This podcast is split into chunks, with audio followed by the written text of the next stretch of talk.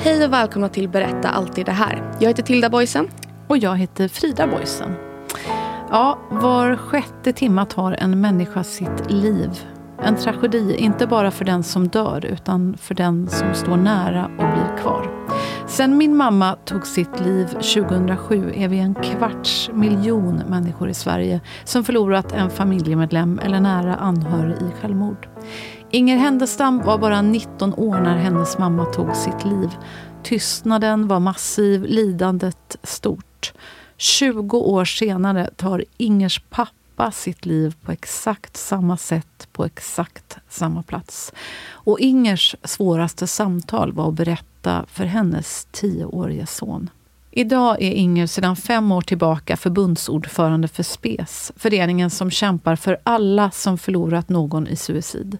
Hör Ingers resa från förtvivlan, skam och tystnad till berättelse och hopp. Välkommen till Berätta alltid det här.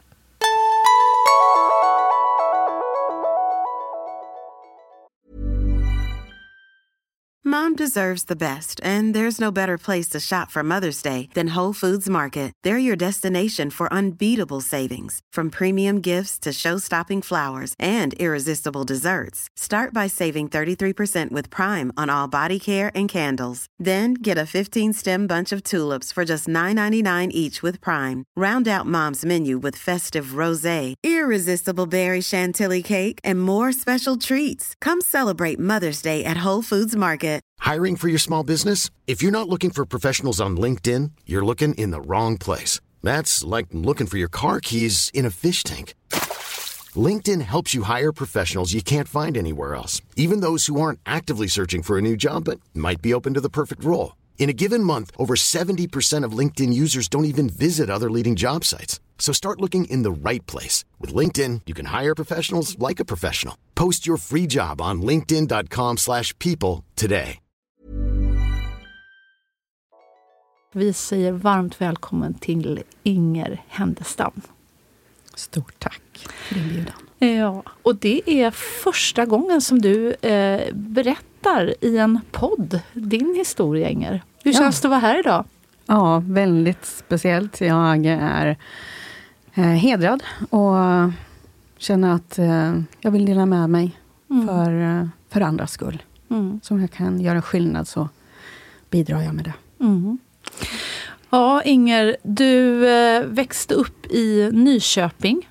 Eh, och eh, när du var 19 år, så eh, vad hände då i, i, i din familj? Du hade varit på en resa till England. Mm. Hade flyttat hemifrån, börjat plugga till förskollärare tror jag. Och, och var ute på en härlig liten tripp, kommer tillbaka, landar på Arlanda. Som då ser lite annorlunda ut än vad det gör nu. Men vad hände när du landade och, och ankommer där? Eh, Jag kommer hem, som sagt, efter denna utlandsresa och eh, möts på Arlanda av eh, syskon och eh, märker att det är någonting som inte stämmer. Och där får jag eh, beskedet att eh, mamma är död. Och jag kommer inte ihåg exakt ordalydelsen, men jag hade väldigt svårt att ta det in. Att, eh, och då är hon försvunnen eller död. Eller vad hade hänt? Och jag kommer inte ihåg om just hur hon dog, om jag fick det meddelandet då. Men Så det är fortfarande lite blurrigt för dig nästan. blurrigt. Det var din syster och din bror som var Mm. där och mötte dig och du såg på deras ansiktsuttryck att mm, det var någonting hemskt som hade hänt. ja. Men du, du, du förstod knappt om hon ens var död. Ja, att det blev eh, så förvirrat i det. Och säkerligen att, att eh, tänker jag, i en sån här katastrofal situation har man svårt att ta in den informationen. Så fakta är väldigt eh, viktigt.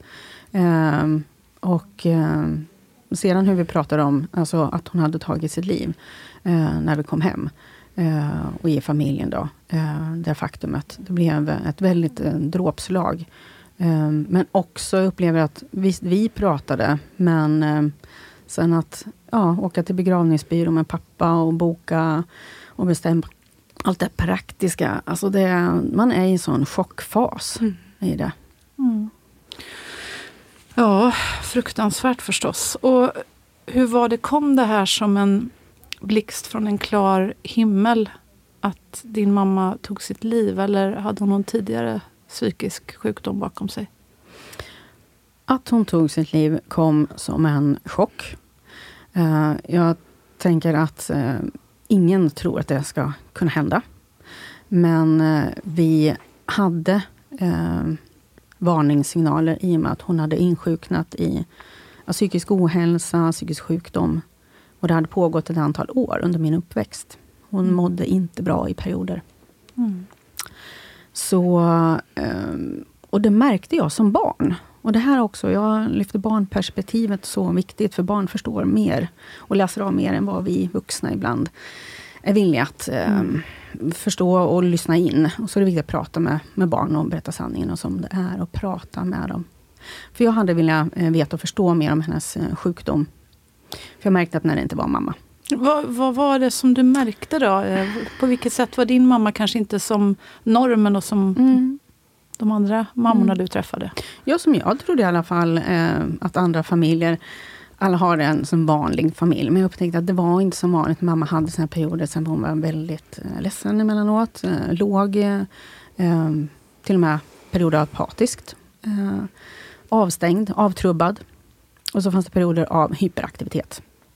Kunde göra väldigt märkliga saker. Som blev väldigt pinsamma också. Mm. Jättejobbigt som barn. Och, och det går ju liksom inte att förklara eh, varför mamma beter sig Men jag kände liksom, det här är, det är inte hon. Mm. Sen vill jag säga att, att mamma som... Ja, mamma. Eh, vill jag också säga att hon var, vad jag ser idag som vuxen, väldigt fantastisk husmor. Mm. Eh, jag tänker den generationen säkert liksom skolad i det också, att vara kunnig med handarbete. Alltså sy, sticka, knyppla, väva. Hon safta, hon sylta, hon bakar bröd, hon bakar bullar. Mm. Allt det här är som att sköta hem och sådär. Alltså det var det var, det var hon grym på. Ja, grym.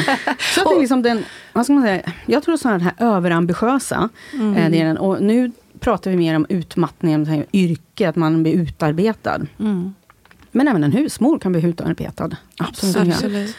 Så jag tror att det, det fanns inte ord för utmattningssyndrom och så vidare, men det utvecklades till en psykisk sjukdom i den graden eskalerade mm. till att han hade sina ups and downs.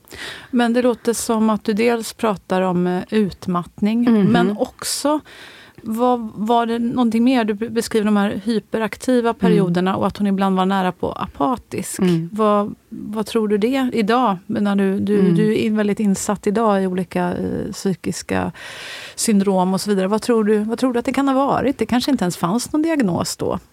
Jo, Eller fanns det det? Det gjorde det. Uh, och på 80-talet när mamma mådde dåligt så pratade man i ordalag om manodepressivitet. Mm. Men nu mm. så pratar vi om bipolär sjukdom. Så de här tvära kasten som var...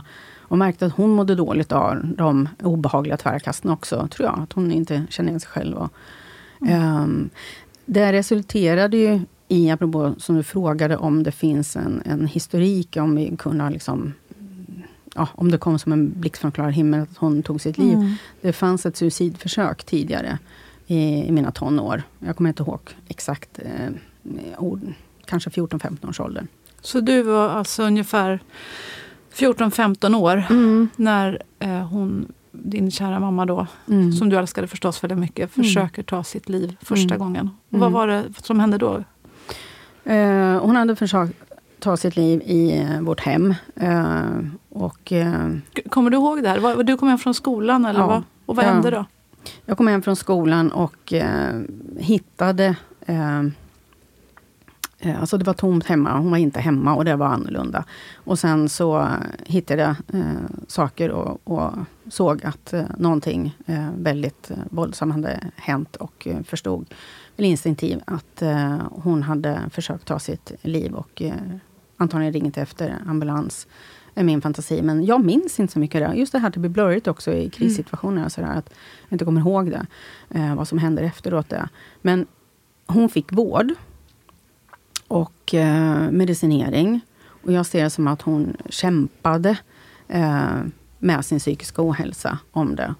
Men just det här att det blir så tyst, tycker jag är obehagligt. För jag skulle vilja veta och jag vill ha haft kunskap om just vad händer, alltså sjukdom, mm. eh, suicidförsök, alltså prata med familjen. Och med mig som barn i alla fall så pratade man inte. Du fick, fick, ingen hjälp efter vad som Nej. hade hänt och ingen pratade med dig? Nej. Nej. Men det ju, fråga, låter ju inte klokt, höll jag på att säga. Jag Nej, tänker om man har en, Mm. en ung flicka som du Mm. var då, 14-15 år gammal. Mm. Otroligt eh, sårbar ålder får man Mm. säga. Vi, vi, vi, vi har ju en, en 15-åring i familjen nu och jag känner många 15-åringar därav såklart. Och liksom det, de, det är en underbar ålder men man är, det händer så himla mycket då ju.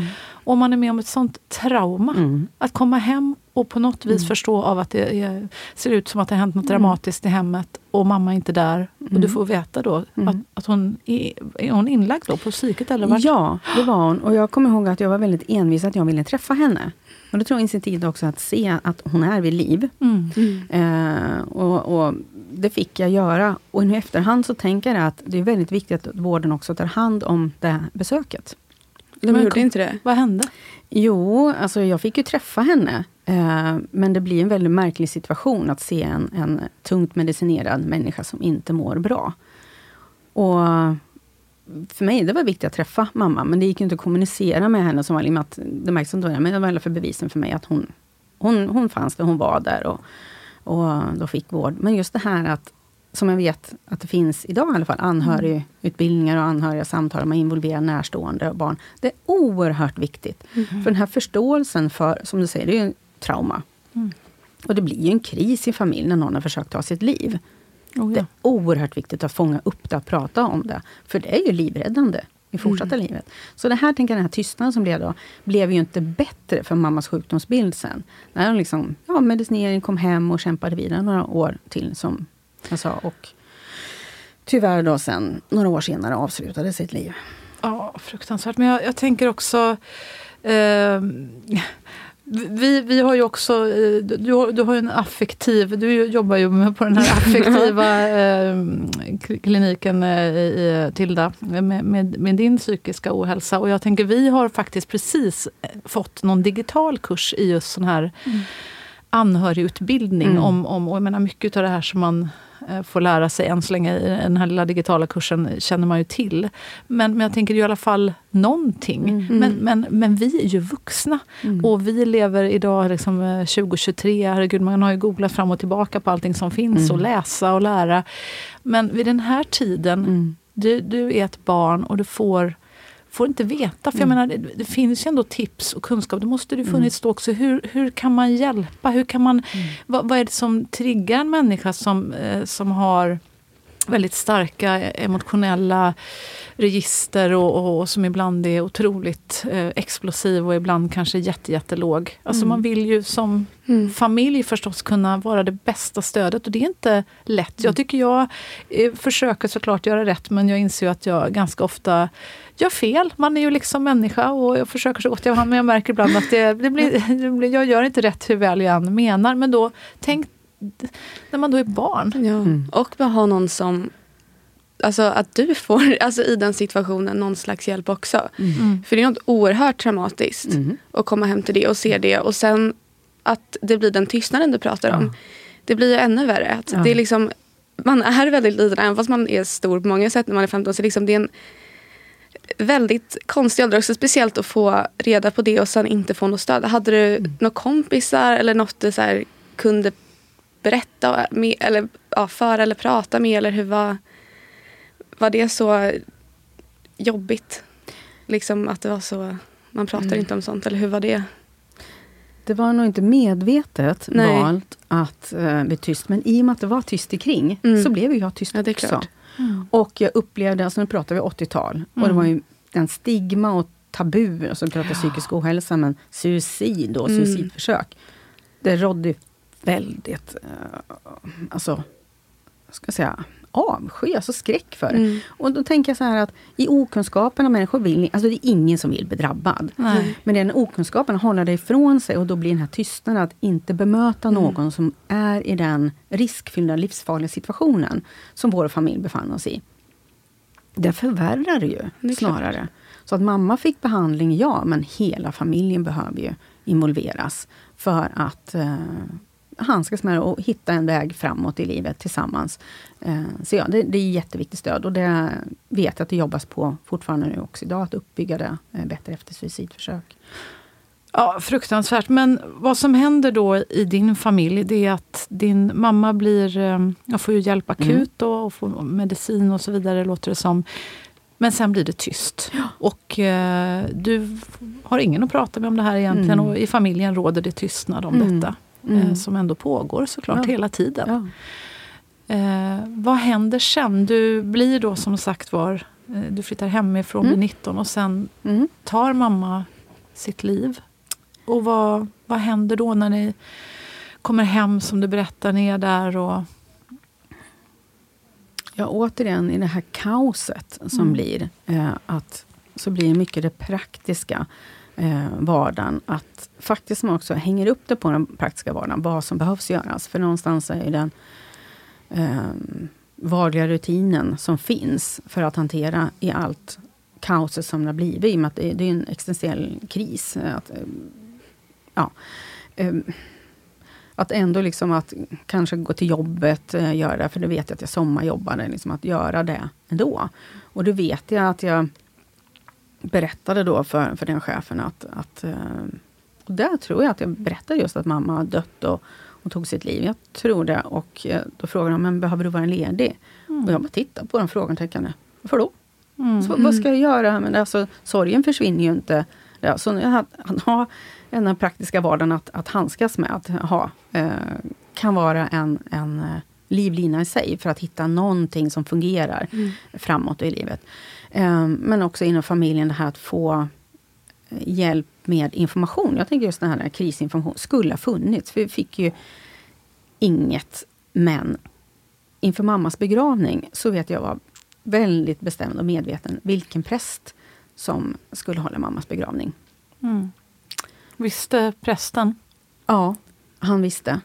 Och vad Kunde prästen säga någonting i era ah. samtal till er kanske som kunde vara stöttande? Eller? Ja, jag och pappa och prästen hade samtal tillsammans. Och jag var bekväm att prata med, för eh, han var min konfirmationspräst. Mm. Mm. Och vid något tillfälle, så vet jag sedan tidigare, att mamma hade berättat att han hade eh, förlorat en närstående. Mm. Som hade tagit sitt liv. Så det var där jag direkt visste vilken präst jag För då oh, förstår han ja, vid begravningen. Han förstår vår sorg. Eh, och hur vi liksom vill ha det. Så det kändes väldigt tryggt. Vad fint. Mm. Otroligt fint. Mm. Präster eh, har jag ju erfarenhet av också i, i de här fruktansvärda situationerna. Kan ju vara livräddare verkligen. Just mm. för att de flera präster som jag mött i alla fall har varit mm. så fina på att ta människor i kris. Ja. Att inte vara rädd för att prata om mm. de här absolut värsta situationerna man kan vara med om.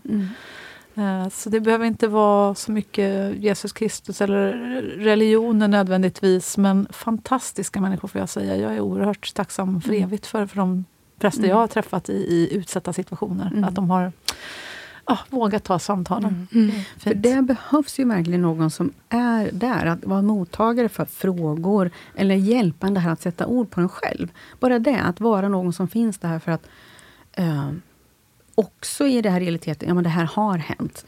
Eh, okay, hur vill vi ha det på begravningen? Då skapar man sig en bild av framåt. Hur, hur vill jag ha det? Mm. Eh, för att det är ändå så en drastisk, katastrofal förlust som påverkar ens tilltänkta framtid mm. för alltid.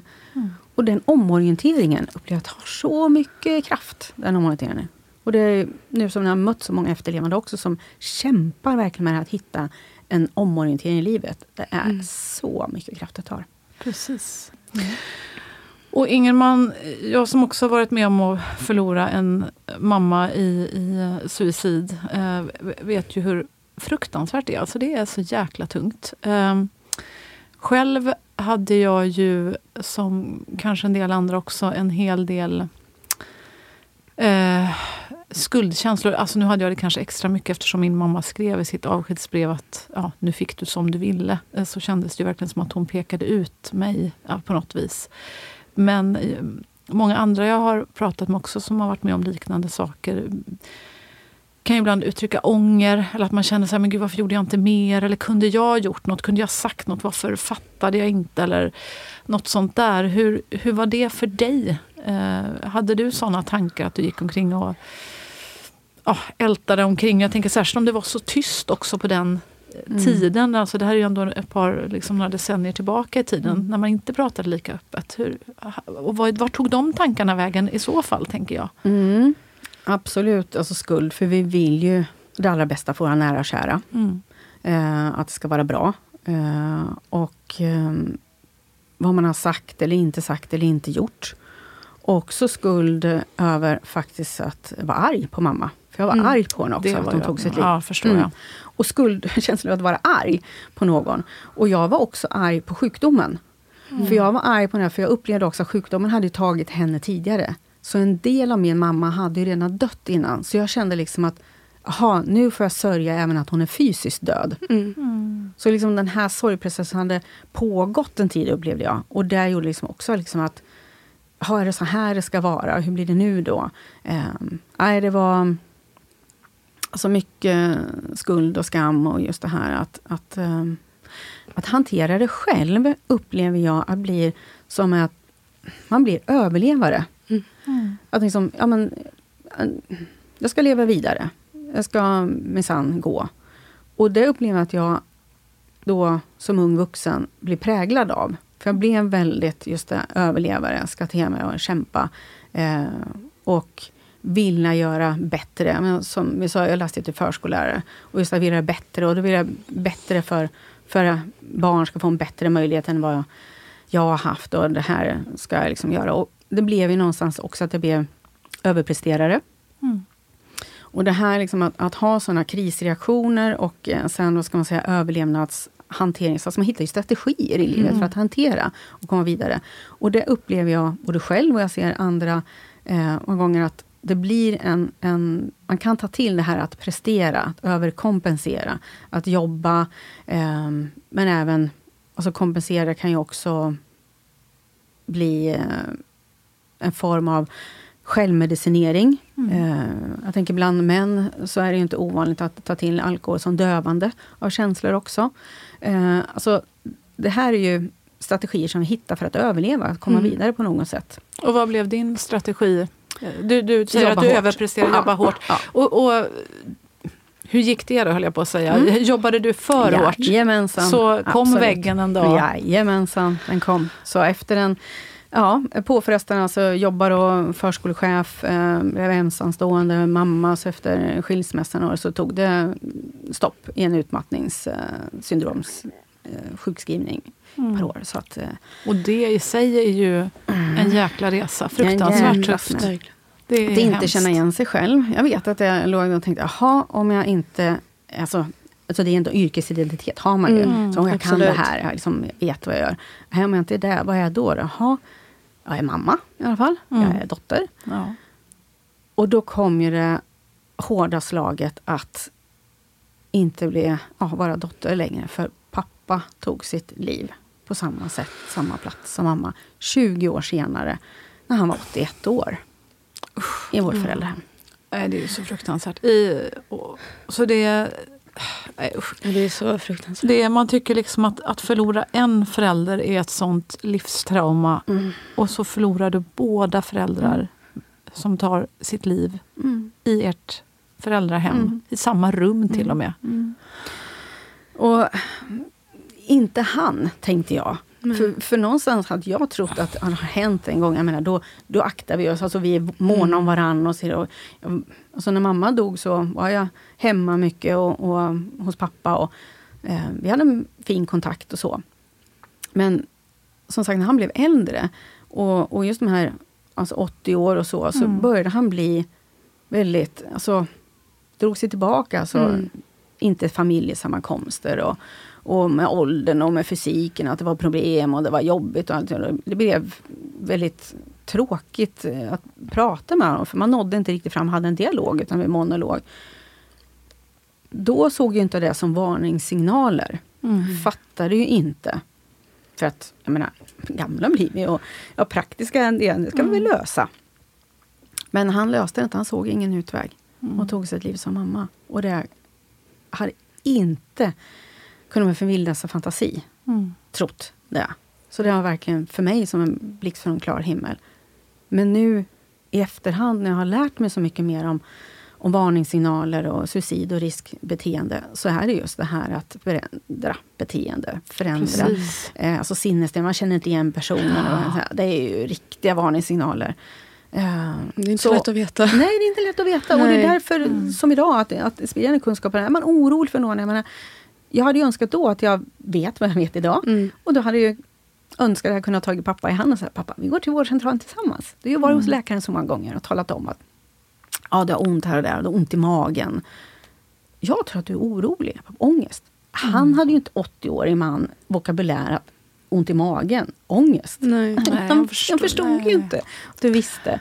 Eh, så ja. ja, äldre män är en högriskgrupp. Verkligen. De, det är många män som tar sitt liv och äldre som pappa har förstått nu och kunskap om. Eh, eh och när det här fruktansvärda händer, och det är som du säger, det är någonting vi alla behöver hålla ögonen på, för just äldre och äldre mm. män är mm. ju verkligen en riskgrupp. Mm. Kanske också för att man har extra svårt, tror jag. Det är kanske mina mm. fördomar, men att äldre män som du säger, mm. som du beskriver din pappa, inte har vokabulären, orden och beskriver. Man är inte van att prata känslor på samma sätt som, om vi generellt här nu, liksom, men som kanske generellt sett kvinnor är bättre att prata på. Mm. Och kanske att yngre män idag tror jag är bättre mm. på att prata känslor än äldre män. Och så, så vi behöver hjälpa till där tror jag. Mm. Men nu händer det här fruktansvärda. Din pappa tar livet av sig på samma sätt som din mamma i hemmet. Mm. Du dessutom kämpar med din egen psykiska hälsa, så vilket fruktansvärt slag att få. Du är också mamma. Mm. Och du vet ju mm. av värsta erfarenhet hur det är när den här tystnaden uppstår när någon som man älskar tar sitt liv. Mm. Så då, då står ju du inför ett nytt dilemma. Ja. Hur ska du berätta det här för dina barn? Mm. Jag eh, vill ju direkt berätta. Så jag gjorde det rakt upp och ner. Kanske väldigt abrupt. Men eh, Alltså att berätta för barn, det är viktigt att säga som det är. För då delar man det tragiska, hur den tragiskt ändå är. Som en berättad morfar har tagit sitt liv.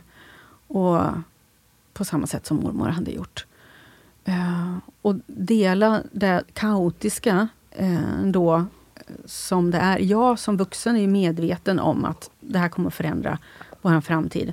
Men för barnet att vara och lotsa Eh, för att dela det tillsammans är oerhört viktigt. Så återigen här barnets perspektiv att, att berätta det. Och där skulle jag också ha velat haft professionell hjälp. Just att, att berätta om barn och kanske förbereda för begravning, vad vi mm. göra. Um, Men jag, då, då, var din son tio, tio, tio år. Ja. Kommer du ihåg när du berättade för honom? Mm. Va, vad ja. hände då? Hur var det alltså, för dig? som jag sa, det var ganska abrupt. Jag tog det rakt upp och ner när han kom, kom hem. Eh, och i sådana här ögonblick upplever jag som att minnesbilden blir ju så här, nästan frysta. Liksom. Man kommer mm. ihåg precis var man stod någonstans, precis hur det var. Eh, men jag minns den smärtan i just det här att, att den stora livsförändringen, att, att vi skulle dela den här sorgen tillsammans. Nej, det var det här bland det jobbigaste jag har eh, var ju tvungen att berätta. Det, det sitter hårt i hjärtat. Mm. Jag förstår det. Mm. Det är tufft. Vad fint då att du ändå berättade för, sin son, för din son, mm. även om det var så fruktansvärt jobbigt. Mm. Var, var, det, var det liksom att du kände att, att han drabbades? Mm. Att, att din ja. son drabbades? För jag, jag ja. minns när min mamma tog sitt liv. Jag var så arg på henne, framförallt på att hon lämnade dig till det. Mm. För att du var så liten då, var bara två år. Och jag kände, varför ska inte du få någon mormor? Varför, varför? Vad har, mm. vad har min lilla, mm. lilla gulliga tjej, mm. vad har hon gjort? Mm. Varför ska inte hon få mormor? Hur ska jag kunna säga till henne ja. att, vet du vad, mormor, ja, mm. hon då tog sitt liv. Eh, och, och vill, vill, det kändes det som då. Mm, mm. Liksom, hon, det var det som var hennes val hellre då än att vara med dig. Så kände jag. Liksom. Mm. Och det kanske är helt vidrigt att, att, tänka så, men det var så jag tänkte. Ja. Och, det, och det kändes så orättvist mot ett barn. Mm. Liksom. Ja, det är det. Att, att, vi har ju den här tänkta föreställningen om hur framtiden ska bli och var och mm. vilka ska finnas där. Och du, alla nära och kära vill vi mm. ha där. Och när det rycks bort ifrån en så, så ja, känns det så brutalt. Mm. Eh, och när jag blev mamma så visste jag att ja, han kommer inte ha någon mormor. Det visste jag, men jag hade morfar och var mån om, om den relationen och jätteglad för det. Och eh, i den åldern när han hade börjat dela apropå fotbollsintresse och sådär. Mm. Eh, och det är liksom att rycks bort det, liksom att Mm. inte få dela det. Nej, det, nej, det, var, det var grymt. Och det, det känns just den här förlusten av den, den framtiden.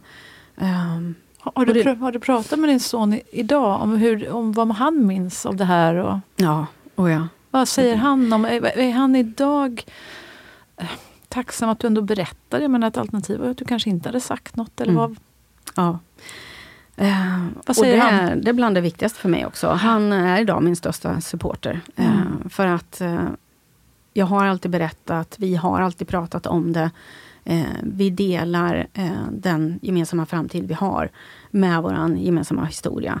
Så att det är så viktigt att, att ha det. Mm. Och det knyter oss desto närmare varandra. Att dela det, de upplevelser vi har. Eh, så jag har ju den motivationen varför att göra det här, att prata om det. För att skapa en bättre framtid. För mig, vår familj, framåt. Att bryta mönster. Så den tragedi som en dag har hänt, det har hänt. Mm. Det är historia. Men framåt. Att det ska finnas bättre möjligheter framåt. Eh, mm. och alltså, som jag ser nu på mamma och pappa. Alltså, de gjorde så mycket fantastiskt. Mm. Som jag sa, det, föräldrahem, alltså, de byggde det själva. Tegelsten för tegelsten. Alltså världens livsverk. Mm. Och det vet jag bland annat var en av pappas sorg. Liksom, att, "Åh, vad ska hända med huset? Alltså, allt vad de åstadkom i sitt liv, det vill jag ska bli ihågkommet för det de gjorde. Mm. Och allt fantastiskt de, de eh, var. Det ska inte läggas sordin på vilket sätt de dog på. Nej. Mm. Tilde, jag kommer att tänka på, du var ju, hur gammal var du nu när, när jag berättade för dig till slut om att Mm. eh, min mamma hade tagit sitt liv? För min pappa sa ju till mig att var du än gör Frida, berätta aldrig det här. Så jag gjorde ju inte det. Jag berättade ju inte, tyvärr inte då som du gjorde. Men du var ju mycket yngre då, Tilda. Mm. Du var ju så himla liten. Jag, ja, men jag ljög andra sidan inte helt av heller. Jag sa ju, Nej. du frågade så många gånger och jag sa ju att Ja, men det var något som gick sönder i huvudet, så Mm. när du frågade om det var cancer eller vad det nu var. Och, och då liksom köpte du väl det lite grann. Mm. Och, jag, och så sa jag också, det är ingen som riktigt vet vad det var som hände. Men, och det var också sant, för det blev aldrig någon tydlig något tydligt besked och jag tror inte att mammas död står liksom i någon självmordsstatistik även om det där brevet kom. För det var ingen som frågade mig om det och jag visste inte vart jag skulle ringa och berätta det någonstans. Liksom. Så, det, så var det med det. Eh, men du var väl, tror jag, 12, kanske... 13, 14. Ja, någonstans, Någonstans där. där. Hur, hur kommer du ihåg, vi satt där vid det här eh, brunchbordet och så berättade jag att min mamma tog sitt liv. För var, du kom ju hem och sa att ett utav en av dina kompisar på stallet, syskon, Mm. hade tagit sitt liv och du satt där och grät och var helt förkrossad. Det var därför jag till slut berättade. För jag kände att nu kan inte jag vara tyst längre. Här sitter du liksom i, i tårar och säger, vad ska jag göra? Jag fattar, Mm. vad ska jag säga? Vad ska jag säga till min kompis? Och vad, vad tänkte du när du fick höra det här? Ja, alltså just, eh, just det som hände innan har jag inte jättebra minne av. Men jag kommer ihåg just när du... För jag, jag tror att både Arvid och jag och pappa var där Mm. allihopa.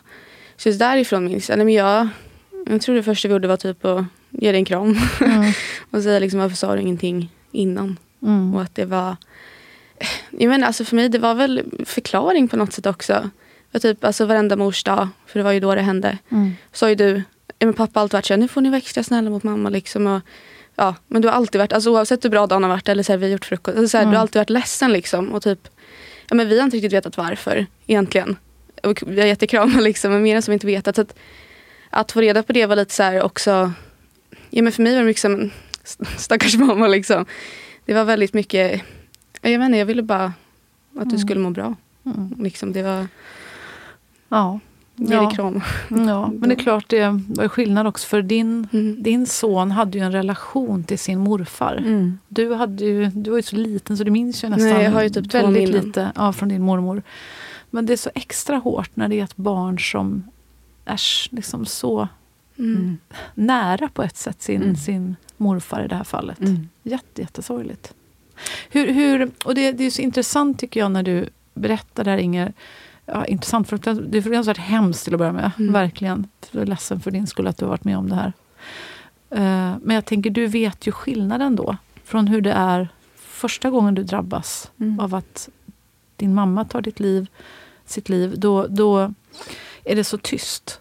Och sen när det här händer 20 år senare att din pappa tar sitt liv, då väljer ju du, då är du vuxen mm. på ett annat sätt. Du är mm. ännu mer vuxen liksom, och själv mamma.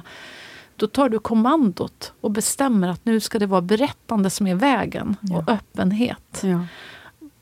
Vad upplever du blir liksom den största skillnaden mellan när ett självmord sker och det blir tyst mm. och ett självmord sker och du väljer att ta kommando mm. och berätta? Ja en oerhörd skillnad. Mm.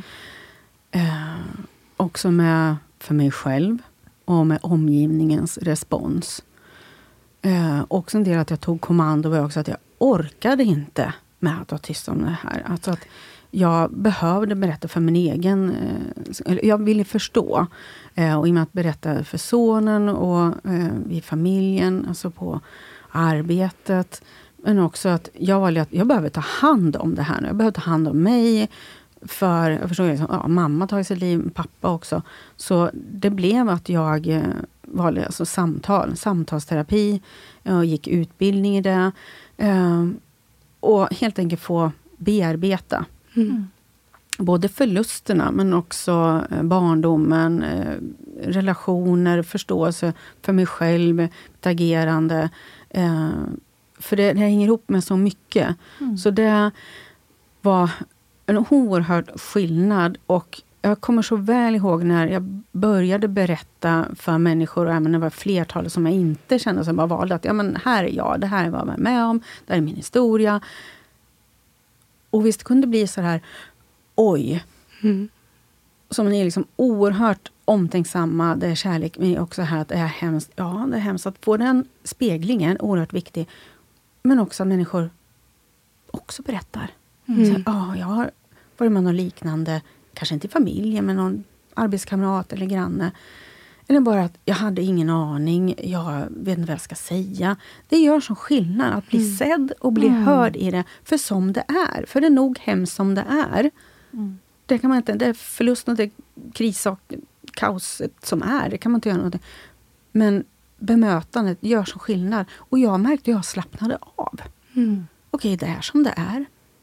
Men det går att leva vidare med det. Mm. Okej, okay, då kan jag hitta människor där det är okej okay att omorientera sig i det. Mm. För andra människor kanske inte har varit med med förlust och suicid, men det kanske var andra traumatiska kriser mm. i livet. Och då förstår man, ja, andra har varit med om annat. Det gör ju oss till medmänniskor. Mm. Det är oerhört starka band. För de som inte vet vad, vad, vad SPES är. Eh, nu har mm. jag fått förmånen att, att träffa eh, och, och vara med flera gånger i olika arrangemang och möten och så som du har bjudit in mig till. Och får ju säga att det har varit fantastiskt fint. Eh, verkligen sån värme och trygghet skulle jag säga. Mm. En trygg miljö om man nu är en, en person som har förlorat någon. Jag vet jag träffade på, på någon träff som ni anordnade i höstas, förra hösten. Och då var det en, en, eh, en mamma som jag känner som har förlorat sitt barn. Mm. Vilket ju är fruktansvärt förstås. Och eh, vi har pratat lite grann tidigare.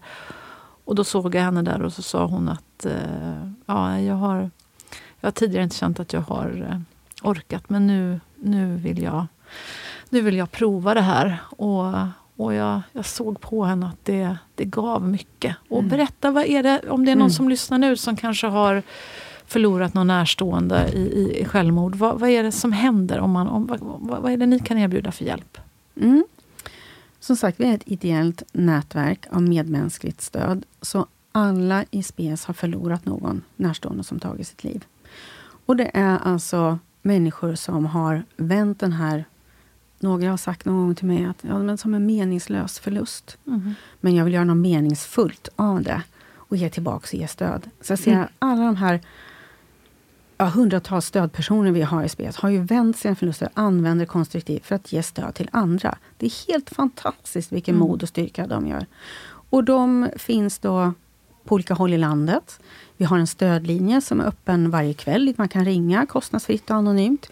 Vi har en stödchatt. Vi har personer kontaktbara som man kan höra av sig till ute i landet om man vill skriva ett mejl eller för ofta här är det en trevande kontakt eh, först. Sådär. Men vi har även samtalsträffar på närmare 30 orter i landet där man kan få träffas. Och Det är en så viktig medmänsklig spegling. Mm. Och träffas, det handlar inte om att man behöver samtala sig någonting, bara för att träffa och ses. Det finns andra, alltså spegla sig att ja, det går att leva vidare. Mm. Och det är ju igen, hela vår tanken med den här Mm. pod- podden också egentligen är ju att vi också har lärt oss, du och jag Tilda, hur mycket berättande betyder. Alltså det, är, Mm, verkligen. det är sån skillnad. Från att gå själv med allt möjligt skit som man bär på som människa eh, till att få berätta och vara i en, ja, en trygg miljö. Och jag tycker faktiskt helt ärligt att eh, men alltså, jag brukar säga ju mer man ger, ju mer får man. Och liksom Mm. bara att, att ge någon annan människa ett sånt förtroende, som du gör nu med alla, alla som lyssnar och berättar din historia, som ju är väldigt smärtsam.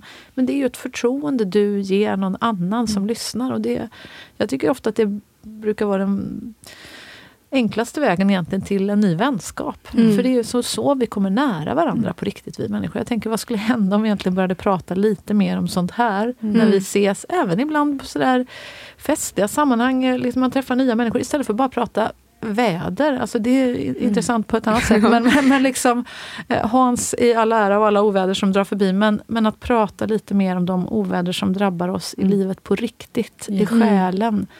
Eh, då skulle vi komma så mycket närmare varandra. Absolut, för vi delar ju, oavsett vilket oväder det är, men att vi delar, vi blir ju starkare som medmänniskor upplever jag. Att vi har starkare band och det stärker ju oss tillsammans. Att dela det här nätverket eh, är oerhört stärkande. Och det upplevde jag verkligen skillnaden för mig. För när jag fick kontakt med SPES och började engagera mig för nu över tio år sedan, så var det verkligen som att från att jag hade levt väldigt länge då i ensamhet, i tystnad, och bära på det här själv, så jag kände liksom att ja, nej, det här är min historia. Men när jag mötte andra med liknande förluster och dela erfarenheter, liknande situationer med andra. Det var en sån oerhörd ventil. Så Mm. från att kliva ut från den här tystnaden och in i en varm gemenskap, som du säger, trygghet och där förtroende, dela, finnas där för varandra. Det är oerhört stärkande. Mm. Verkligen. Jag tänker mig att det känns, för det är väldigt mycket skam Mm. belagt inte alls med självmord gör att ja, men närstående känner sig ofta väldigt...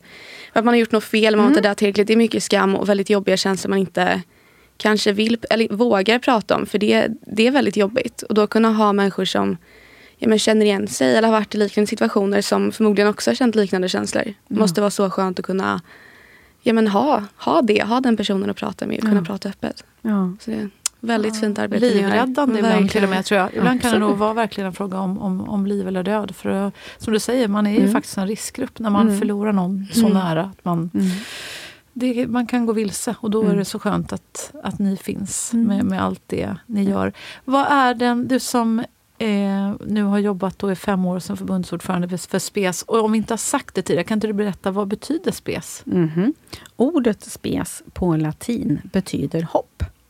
Det är fint. Och det är Mm, precis det vi vill inge då, att livshopp i den livskatastrofala situationen vi förlorat någon, men hitta den omorienteringen att det går att leva vidare. Och då vara ett livs, en livlina, Mm. livsnätverk. Eh, och jag är så tacksam för att vara här idag och prata om det just för att som ideell organisation är det inte alltid lätt att nå ut och skapa Nej. det nätverket. I och med att, som jag sa tidigare, att när någon har tagit sitt liv så får ju inte närstående familjen något stöd. De får inte information att SPES finns. Nej. Det blir tyst. Och det här behöver ju nå ut. Mm. Ja, Jag tycker det är så sjukt att Ja, det inte ja. finns. Nej. Det känns som en sån självklar grej. Det händer inget. Nej. Eh, och det finns absolut det finns insatser i Sverige och det börjar på byggas upp eh, Mm. inom profession på olika sätt. Att skapa någon Mm. kedja, något nätverk. Eh, kyrkan inte minst eh, finns där. Men, men just alltså, profession behöver finnas där också parallellt med oss som ideella nätverk. Så ska vi kugga i varandra, så ska vi kedja ihop för att bli ett tryggare, säkrare, starkare samhälle. För att, eh, som sagt, att fyra familjer, ungefär 40 personer om dagen lämnas i det här ingentinget. Det är inte okej. Nej, jag räknar det här lite grann. Det är, det är alltså ungefär 15 000 människor per, per år. Och, och det går- blir ju år efter år efter år. Och det är bara Mm. de absolut närmaste. Sen Ja. är det ju ibland många, många Ja, fler herregud. Mm. som, som eh, ja, nära vänner och, och så vidare. Så, men jag tänkte också bara, du som jobbar med, med människor som går igenom det här i livet, eh, bland det tuffaste man kan gå igenom. Vad, vad skulle du säga är de, någon av de vanligaste frågorna som brukar dyka upp om man om man kommer kanske till eh, SPES, eller är det någon konkret fråga eller är det mer bara att man vill hitta det här, den här tryggheten och det här sammanhanget? Eller är det någon, är det någon fråga som återkommer som, som vi kan passa på att skina lite ljus över när du ändå är här? Mm. Jo, men det är nog att förstå Mm. hur någon kan ta sitt liv. Mm. Hur kan alltså döden utmanövrera överlevnadsinstinkten? Mm. Att förstå suicid, suicidfrågan, alltså sjukdomsförlopp, om det är sjukdomsförlopp. Det kan också vara en drastisk händelse, alltså en, en kris eh, som har drabbat så det blir en, eh, Mm. ett suicid på grund av en, en eh, ja, hastig, speciellt unga som har tagit sitt liv, Mm. eh, har inte haft någon förvarning alls, utan det blir som en, en drastisk eh, Krisåtgärd, Krisåtgärd, som- galen. Mm. Men, Ja, men, ja, galen. det är ju fruktansvärt onödigt på något Ja. vis. Men, ja. Så ofta den här frågan om förstå. Eh, så därför liksom att förstå såna informationen, frågorna och få ställa de här frågorna. Mm. Och därför menar jag att, att vi som medmänniskor kan göra det med den professionen. Så att de här frågorna får ställas för att förstå. För att få ro Mm. som efterlevande. Att, att, eh, som du säger, att ja, Mm. jag gjorde vad jag kunde. Eh, såklart man har kämpat, eller jag visste inte. Jag kunde inte se. Alltså det är som det är och utgå ifrån det. För Mm. det är en sån eh, oväntad död som eh, ofta leder till en fördröjd och komplicerad sorgeprocess. Och där behöver man få en möjlighet att förstå som efter det, det här behöver få ta tid. Och jag behöver ta hand om det. För annars så, det finns med där, det förskjuts fram. Mm. Och som du säger, att inte prata om det om, om människor som, ja vi vet det, det är många som kommer till SPES som inte har hittat oss eller får information och levt med sin förlust kanske 10 år, 20 år, 30 Mm. år, 40 år. Mm. Och när de människor kommer och berättar om det för första gången, de är precis som nydrabbade. Mm. För de får äntligen sätta ord på det. Och sorgen, det väller upp. Man är där Om man den inte får någon chans att bearbeta det går det aldrig Nej. vidare. Nej, men är man det- där den dagen, en stund, Ja. när man fick beskedet eller så. Exakt. Och det behövs sättas ord på, för det spelar roll för framtiden. Så låt oss ge en bättre framtid för alla oss som trots allt drabbas av de här tragiska förlusterna. Och låt oss förhindra så att vi räddar liv, för vi kan. Vi kan i samhället. Det kan vi verkligen. Och jag vill bara inflika, när, eh, alltså jag vill också tipsa den som lyssnar att om du är eh, i det här sökandet, precis det du säger Inga, att man vill bara förstå. Mm. Hur, hur kunde du komma fram till det här beslutet? Hur Mm. kunde det bli så här? Var, varför valde du den här vägen Mm. när vi kunde gjort så mycket? Jag fanns ju här, eller vad det nu är man liksom bara snurrar omkring i huvudet. Eh, för mig blev ju ett sätt att, att försöka hitta de här svaren var ju för mig att och till slut att skriva. Och försöka utforska för mig, vad var det som hade hänt egentligen i min mamma? Så jag försökte liksom Mm. göra det här detektivjobbet själv. Eftersom jag Mm. eh, tyvärr inte hittade rätt när jag försökte gå till, till eh, psykolog. Och då blev jag så rädd så jag vågade inte liksom leta vidare där. Så då, då blev, för mig blev det skrivandet. Så det kan vara ett tips till den som inte har vågat Ja. berätta. Mm. För, och för mig blev det ju en bok och den här boken har lästs eh, av en hel del människor. Den heter eh, Berätta aldrig det här. Och det, det fina, en av de fina sakerna som har hänt, jag har fått så många läsarmess eh, på Instagram eller LinkedIn eller mejl eller vad, vad det nu är. Från unga människor ibland, ibland från högstadieungdomar eller gymnasieungdomar eller nyblivna föräldrar eller människor mitt i livet. Men Mm. också, Inger, av de äldre Mm. människor som berättar. Alltså, det är, alltså det är ju barnröster Ja. som jag hör. Alltså som, som skriver... Alltså jag var sju år gammal när jag kom hem en dag. Och så berättar de hur de har sett... Det kan ha, någon berättar att ja, pappan hade, och det har varit skjutvapen och så vidare. Och, och ett barn kommer in och upptäcker det här. Och det är förstås ett Mm. fruktansvärt trauma. Det kommer någon granntant och, och liksom sliter bort barnet och håller för ögonen och, och, Mm. och, och säger precis de här orden. Berätta aldrig det här. Det här berättar du aldrig för någon. Mm. Aldrig berättar du det här. Och glöm bara bort det här. Och det här ska du aldrig berätta. Och du ska aldrig säga vad som har hänt till någon. Och så den här lilla, lilla sjuåringen berättar för första gången för mig i ett mess, liksom 70 år senare. Och säger liksom men nu, nu, är det- nu, nu är det för sent för mig att berätta, men det har betytt så mycket för mig att få läsa att du också har liksom levt i tystnad i många år. Men nu är det för sent. Och jag, och jag har ju sagt till, till den här människan och flera andra av de här äldre som har sagt samma sak. Jag bara sagt, nej men det är ju inte för sent. Nej. För nu har du berättat. Mm. Nu har du berättat för första gången för mig. Mm. Fortsätt att berätta nu. Ja. Och jag, jag, är så tacksam att du vill berätta för mig. Och jag är, är så ledsen för det du har varit med om. Men fortsätt berätta. Vad fint att du ville berätta för mig. Och jag förstår att det är tungt för dig.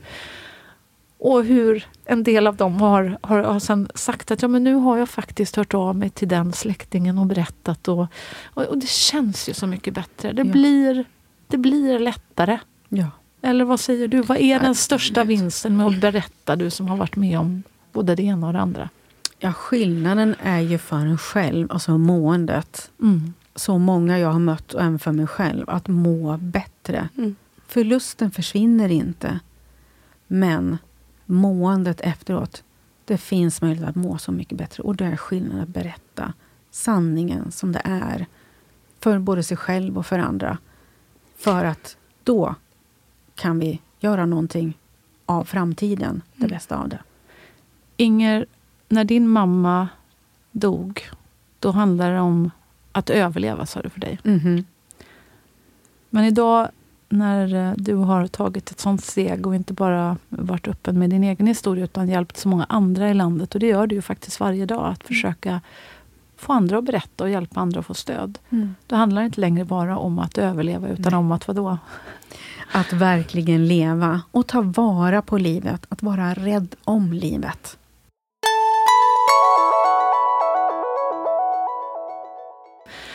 Ja, Inge, vi är så tacksamma mm, att uh, du uh, vill komma hit och berätta alltid det här. För det är vad vi tror på, Tilda och jag. Mm -mm. Och det har hjälpt oss mycket i, i vår resa också. Eh, om man vill eh, få hjälp, om man är precis en sån människa som har drabbats av att en nära person har tagit sitt liv, då skulle jag verkligen varmt vilja rekommendera att söka upp SPES.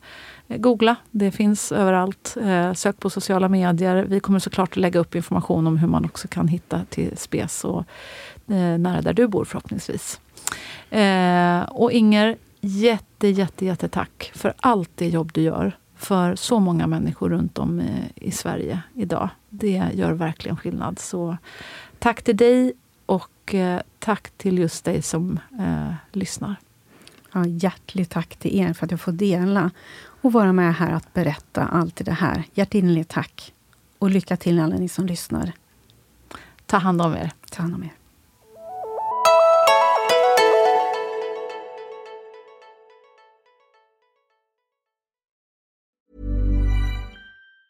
Have catch yourself eating the same flavorless dinner three days in a row? Dreaming of something better? Well, hello fresh is your guilt free dream come true baby. It's me, Gigi Palmer. Let's wake up those taste buds with hot, juicy pecan crusted chicken or garlic butter shrimp scampi. Mm. Hello Fresh. Stop dreaming of all the delicious possibilities and dig in at HelloFresh.com. Let's get this dinner party started. Mom deserves the best, and there's no better place to shop for Mother's Day than Whole Foods Market. They're your destination for unbeatable savings, from premium gifts to show-stopping flowers and irresistible desserts. Start by saving 33% with Prime on all body care and candles. Then get a 15-stem bunch of tulips for just $9.99 each with Prime. Round out Mom's menu with festive rosé, irresistible berry chantilly cake, and more special treats. Come celebrate Mother's Day at Whole Foods Market.